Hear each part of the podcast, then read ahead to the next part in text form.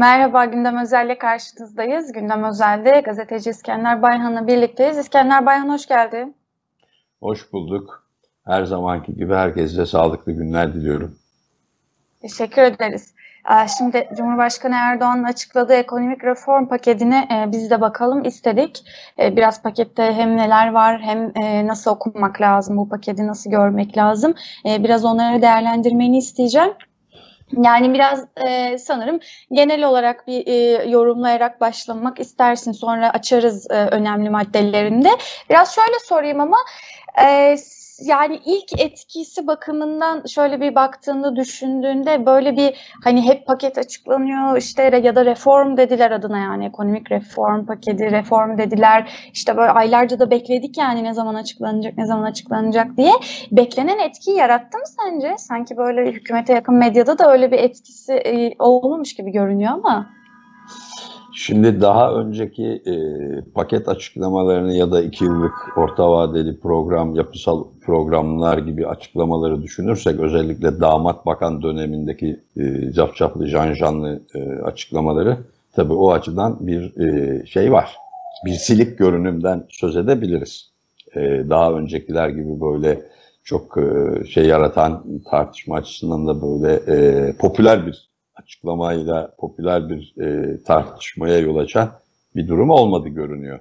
Ama bu sadece şeyle ilgili değil diye düşünüyorum. Yani e, programın kapsamının darlığı ya da e, reform paketinin e, basitliğinden kaynaklandığını düşünmüyorum. Biraz içinden geçtiğimiz konjektürle alakalı. Çünkü çok ciddi e, gündemleri var Türkiye'nin ve biraz da arka arkaya geldi biliyorsun. İnsan hakları eylem planı, yeni anayasa tartışmaları, seçim yasası tartışmaları, e, ekonomik reform dolayısıyla biraz çok yoğun olmasından dolayı hükümetin ekonomi ve siyasetteki Erdoğan'ın yeni makyaj operasyonunun yoğunluğunun içerisinde e, olmasından dolayı böyle bir etkisi, e, daha doğrusu böyle bir popüler bir e, tartışma olmadığını düşünüyorum.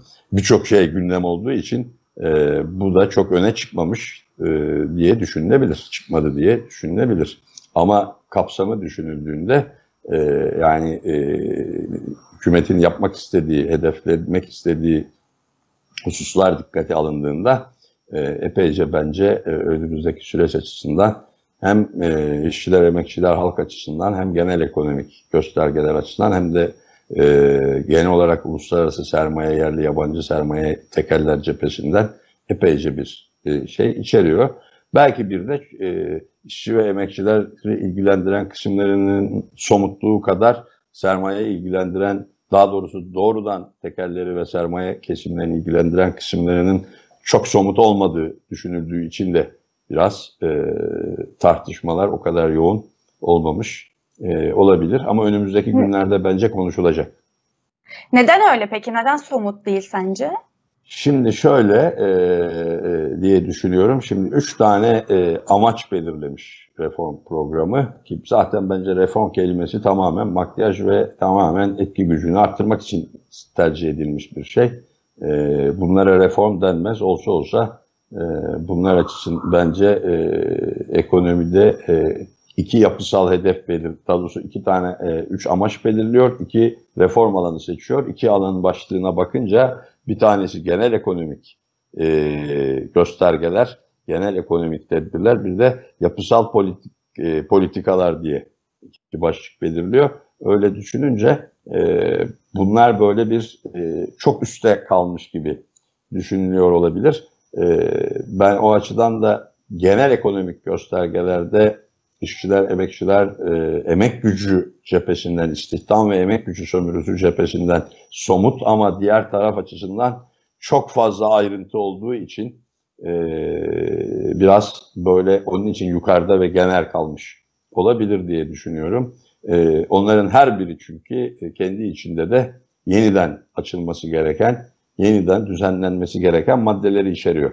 Ben mesela üç temel amacı e, burada e, kendisinin söylediği üç temel amaç şöyle programın makroekonomik istikrar yani genel ekonomik istikrarın sağlanması, rekabetçi üretim ve verimlilik artışları ve şeffaf, öngörülebilir ve hesap verebilir yönetişim. Şimdi ben mesela bu üç başlığı şöyle okuyorum.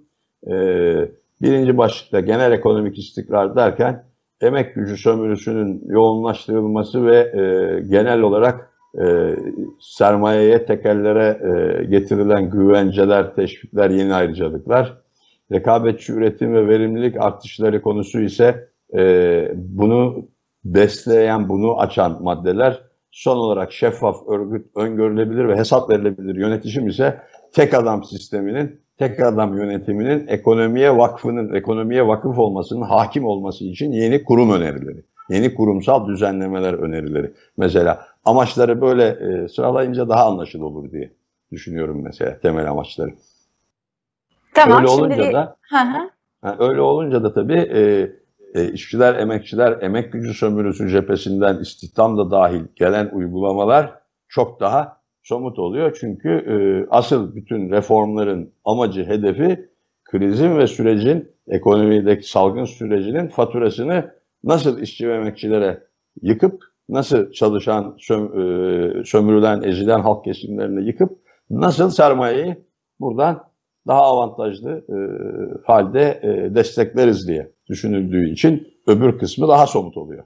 Yani faturayı halka yıkma kısmı daha somut oluyor tabii. Sermayeyi nasıl e, destekler, büyütür, yeni ayrıcalıklar ve güvencelerle ona güç veririz konusu öyle olunca biraz daha tabii e, daha ayrıntılarda e, e, bir e, düzenlemeyi gerektirdiği için o açıdan belki hazırlık o yönüyle belki yeteri kadar hazırlıksızlık da olabilir denebilir yani biraz bu kadar zaman konuşulmasına rağmen yeteri kadar hazırlanamamış oraya. Sanıyorum orada bir yandaş sermaye ile genel sermayenin e, ihtiyaçları açısından ki ko e, koordinasyon sorunu da var yani. Hem yandaşları nasıl korurum, oraya asıl nasıl e, güçlendiririm ama o arada da TÜSİAD'ın ve genel olarak yerli yabancı sermayenin ihtiyaçlarını da onunla nasıl uyumlu hale getirelim diye çaba sarf ederken biraz oralarda zayıf kalmışlar galiba. Sermaye arasında da mı bir kavga çıkaracaklar? Zaten bir çatışmalı bir süreç var. Özellikle e, Erdoğan'ın biliyorsun bu beşli çete tartışmasıyla süren ama daha bence geniş bir noktada daha doğrusu daha geniş bir yelpazede bulunan doğrudan Erdoğan hükümetini destekleyen e, yerli ve yabancı tekelci sermaye ile e, doğrudan yandaş e, tekeller diye veya yandaş e, kapitalistler, sermayedarlar diye isimlendirdiklerimizle e, biraz daha e, bu durumdan rahatsız olan ve hükümetin genel olarak e, kapitalistlerin, tekellerin, sermayenin çıkarlarını eşit düzeyde gözetmesini isteyen bugünkü TÜSİAD ağırlıklı TÜSİAD yönetimi olmak üzere ve özellikle de ABD ve Batılı tekellerin e, temsilcilerinin e, başını çektiği kesimlerle bir şey var tabii rahatsızlık var. Onların bu açıdanki eleştirileri var. Biraz işte bunu çözmek, ona güvence vermek ve arada denge kurmak açısından biraz sıkıntı çıkmışlar görünüyor yani bu bölüme ilişkin. Peki şimdi biraz e, tekrar pakete döndüğümüzde şöyle birkaç e, madde sorayım sana. Sen biraz onları da aç e, istiyorum. E, şimdi bireysel emeklilik sistemiyle ilgili e, bir, bir takım açıklamalar vardı. Bu önemli bir mesele aslında. E, şöyle deniyor, bireysel emeklilik sisteminin çok daha geniş kesime yaygınlaştırmayı hedefliyoruz diyorlar. E, sence bunun tehlikesi nedir? Şimdi bu önemli bir noktalardan birisi. İstihdam başlığı var pakette e, bu istihdam başlığı altında bunlar düzenleniyor. Bireysel emeklilik sisteminin yaygınlaştırılması esas olarak esnek çalışma, e, kısmi süreli sözleşme, uzaktan çalışma ve e, genel olarak güvencesiz çalışma yöntemlerinin yaygınlaştırılmasının bir parçası olarak gündeme geliyor.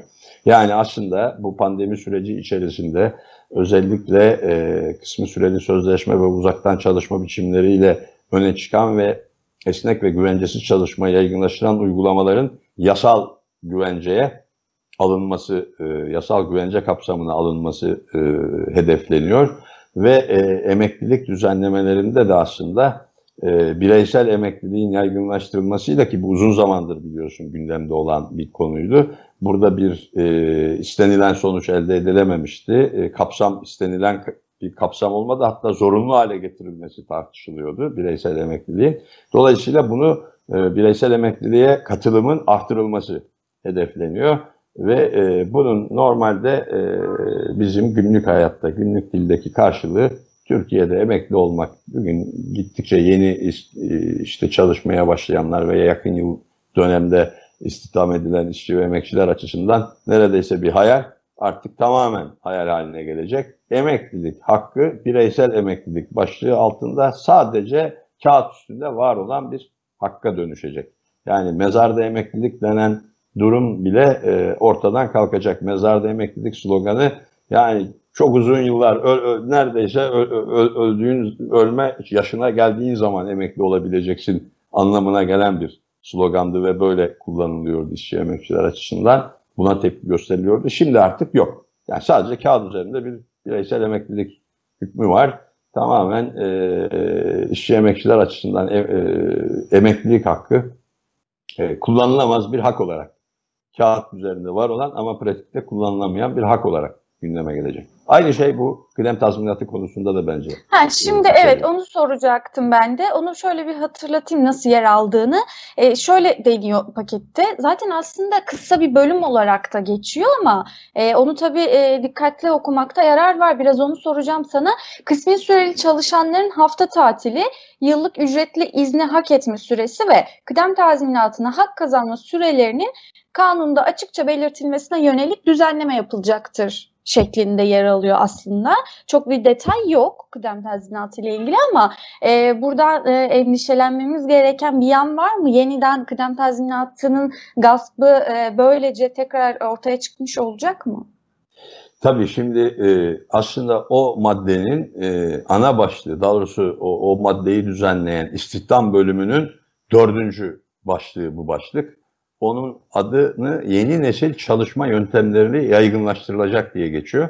Onun altında da iki fıkra var. Birisi senin okuduğun, birisi de uzaktan çalışma mevzuatı yeni iş modellerine uyum sağlayacak şekilde revize edilecektir diyor.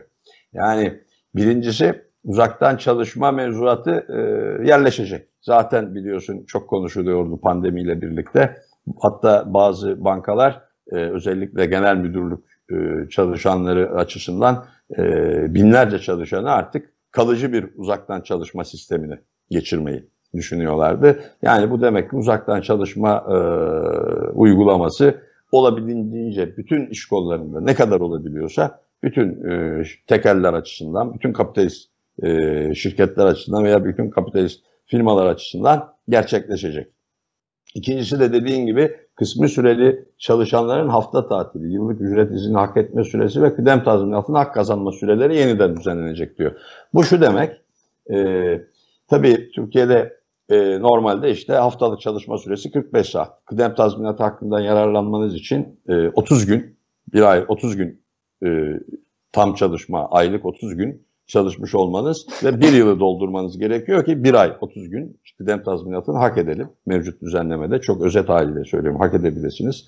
Şimdi bu uzaktan çalışma biçimi, esnek çalışma biçimleri, kısmı süreli çalışma yöntemleri bunlar o kadar yaygınlaşacak ki e, siz bunları e, yani 30 gün, ayda 30 gün çalışmak hayal olduğu gibi e, hatta kayıt dışılığı da düşünürseniz iş iyice zorlaşacak ve fiilen aslında e, bu istihdam biçimlerinden dolayı, bu esnek ve güvencesiz istihdam biçimlerinden dolayı kıdem tazminatı hakkını kullanabilme veya onu hak edebilme, kıdem tazminatı hak edebilme şeyini zaten zor.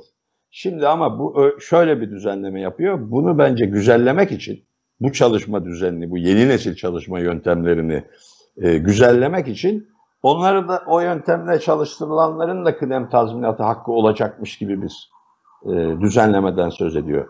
Yani özetleyeceksek, özetleyecek olursak yasa üzerinde kıdem tazminatı kalacak.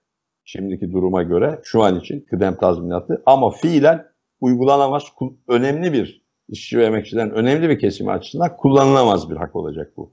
Bu diğer yönüyle de ama her anda tabii bu haliyle bir işe yaramadığı deyip kaldırılabilecek de.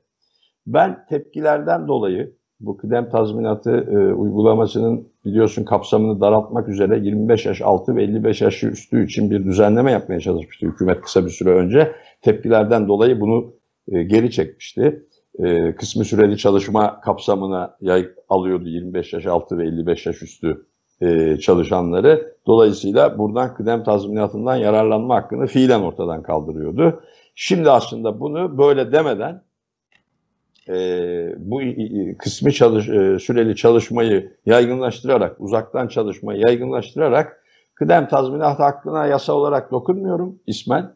Ama e, fiilen de kimse e, gittikçe kademe kademe kimse kullanamaz hale gelecek bir durum olacak bu. Hele hele yeni istihdamları diyor ki yeni nesil çalışma yöntemleri olduğu için hele hele genç işçi istihdamları ki bence orada da çok tehlikeli şeyler var. Özellikle genç işçi emeğinin sömürüsü, meslek eğitim merkezlerindeki genç e, öğrenci gençlerin e, emek gücünün staj sömürüsü diyoruz biz ona. Bunların sömürüsü için yeni maddeler de koymuşlar. Yani ucuz emek gücü sömürüsünü de e, bence tavan yapacaklar. Bu da e, koşulları fırsata çevirmenin ismi oluyor yani. Evet şimdi aslında e, çok detaylı da konuşulması gereken maddeler elbette ama e, yine yeri geldikçe başka programlarda da konuşuruz ama yine de e, değinmeden geçmeyelim istiyorum. Şunu da sorayım sana. Şimdi bu yeni iş modeli e, dedikleri şeyin aslında biraz tehlikelerine de e, dikkat çekiyorsun. Tehlikelerinden birini şurayı da açmanı isteyeceğim. Şu da olabilir mi? Yani örgütlenmeyi zorlaştıracak. Sonuçta uzaktan çalışmayı bir şekilde yapılabilen yerlerde kalıcı hale getirmeye çalışıyorlar. Hemen kısaca mesela bilgi vereyim. İşte Koç Holding uzaktan çalışma modelinde 35 bin ofis çalışanını kalıcı hale getirdi. Bu sistemle çalışacaklar. E, Sabancı grubu şirketlerinden işte Akbank evde çalışmayı kalıcı hale getirdi. E, şimdi bu haliyle o bir yani bir arada çalışmayı ofis ortamında ortadan kaldırdığı için örgütlenmenin önünde de büyük tehlike var gibi ilk başta görülüyor. E, böyle midir ya da? Tabii hatta sendikalaşma açısından e, hele hele genç kuşakların, sendik, genç işçilerin sendikalı olabilmesi açısından yeni bu istihdam, bu yeni nesil çalışma yöntemlerine göre istihdam edilmiş e, işçilerin, emekçilerin e, örgütlenmesi açısından o, olağanüstü zorlaşacak tabii durum. Yani e, hele hele kitlesel mücadele konusunda koşullar epeyce zorlaştırılacak. Ama tabii şu an şunu söylemek istemiyorum. Yani işçi ve emekçiler böyle olacak diye zaten e, sendikalaşma açısındaki eğilimler veya e, sendikalaşma konusundaki düzenlemeler olabildiğince engelleyiciydi. Olabildiğince zorluklar çıkarıyordu e, düzenlemeler. E, bu açıdan zaten e, denebilir ki örgütlenmek gerçekten e, gizli bir iş olması lazım fabrikalarda, iş yerlerinde örgütlenmek gizli bir iş olarak işçiler emekçiler tarafından yapılması gereken bir e, yasal haktı kullanılması gereken. Yani bir yasal hakkı siz gizli kullanmak durumundasınız fiilen ki başarılı olabilirsiniz, sonuç alabilirsiniz. Şimdi bu daha zorunlu hale gelmiş olacak.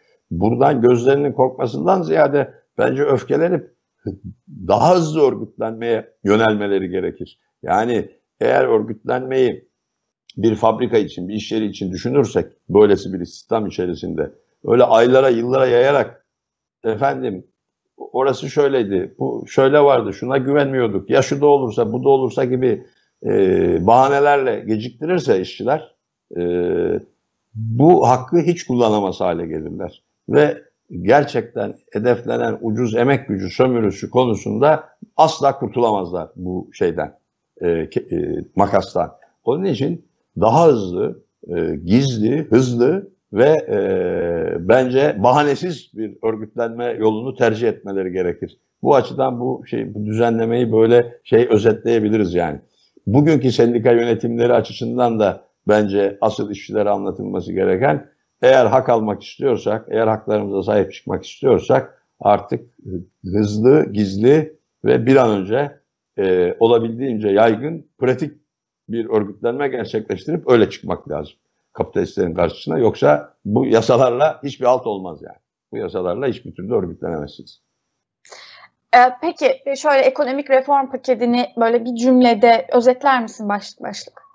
Şimdi ekonomi reform paketini şöyle diyebilirim. Bir, e, uluslararası ser, sermaye çevreleri yani uluslararası tekeller başta olmak üzere e, kapitalistlere, e, sermayedarlara özellikle de e, finans sektörü açısından bankalara e, yeni güvenceler ve e, yeni ayrıcalıklar getirmeyi amaçlayan ve e, krizden ve bu salgın koşullarında da kötü ekonomik koşullardan kurtulmak ve ülke ekonomisinin büyümesini de tamamen ucuz emek gücü sömürüsüne dayalı olarak devam ettirmek programı bu.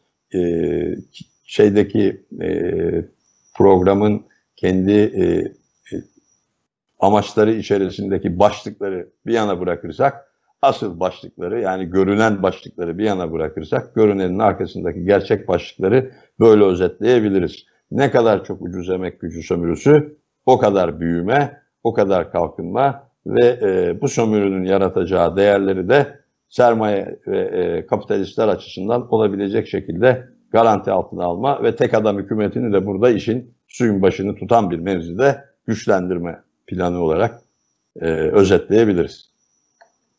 Peki, e, şimdi bir mesele daha var. E, onu da e, yorumlamanı isteyeceğim.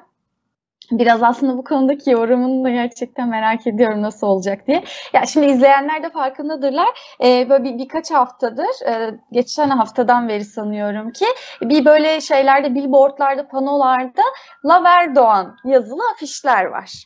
E, bunlar şimdi geçen haftadan beri de e, bir yandan tartışılıyor. Bu şimdi bir anda çıktı aslında. E, başka da hiçbir şey yazmıyor altında üstüne. Sadece Lavar Doğan yazıyor. Bir meseleyi anlamak da bir iki gün sürdü yani. Ne oluyor, nereden çıktı şimdi bu, nasıl bir reklam ki bu diye de aslında düşünüldü. E, mesele biraz tabii şöyleymiş. E, biraz hem e, işte hükümete yakın medyanın da yorumlamasıyla birlikte şu, şun, şöyle anlatılıyor. Amerika'da e, işte New York'ta e, oradaki reklam panolarına e, işte bir bir organizasyonun imzasıyla e, böyle afişler asılmış. Orada Stop Erdoğan yazıyor. E, şimdi o Stop Erdoğan yazısını yazan o organizasyonda e, Gülencilerle ilişkili olduğu söyleniyor.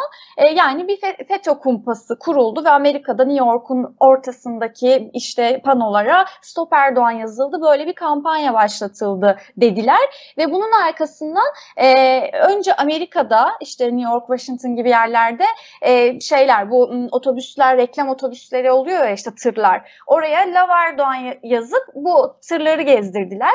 E, ardından da e, Türkiye'deki panolara Laverdoğan yazıları bir anda asıldı. İşte böyle karşı hamle olarak. E, sen bu Laverdoğan meselesini nasıl yorumluyorsun? Şimdi tabii bu Amerika'da bu işi yapanlara FETÖ'cü dediler. Ben bilmiyorum ne o örgütü biliyorum ne ayrıntılı olarak bir fikir sahibi de değilim yapanlar açısından ama belli ki e, AKP ve e, Erdoğan e, tek adam yönetiminin kurmayları bu Stop Erdoğan'ı bir fırsata çevirmek için Lav Erdoğan kampanyasına dayanak yaptılar. Şimdi benim aklıma şöyle bir şey getirdi bu Lav Erdoğan afişleri. Erdoğan'ın e, ilk dönemi kendisinin çıraklık ve dediği ve ikinci dönem kalfalık dediği dönem, hükümet dönemlerinde genel olarak şöyle hatırlıyoruz, şöyle konuşulurdu. Türk, Türkiye Cumhuriyetler ve Türk İslam ülkeleri e, ve aynı zamanda İslam ülkeleri, ayrıca İslam ülkeleri de dahil. Yani Suriye'den Azerbaycan'a kadar, Irak'tan işte e, Afrika ülkelerine kadar bir pop star kahramanı gibi Erdoğan her yerde afişlerle karşılanır. Bir halife, e, Türklerin büyük devlet adamı, e, Müslümanların da halifesi gibi bir sevgiyle afişe edilirdi ve çok konuşuluyordu o zaman. Her yerde Erdoğan afişleri asıyor herkes çünkü umudu bu Türk İslam dünyasının Batı e, dünyası karşısındaki umudunu temsil ediyor deniyordu. Şimdi sanıyorum şöyle bir noktaya gelmişiz. O afişler döküldü, sarardı, soldu, bir numara çıkmadı.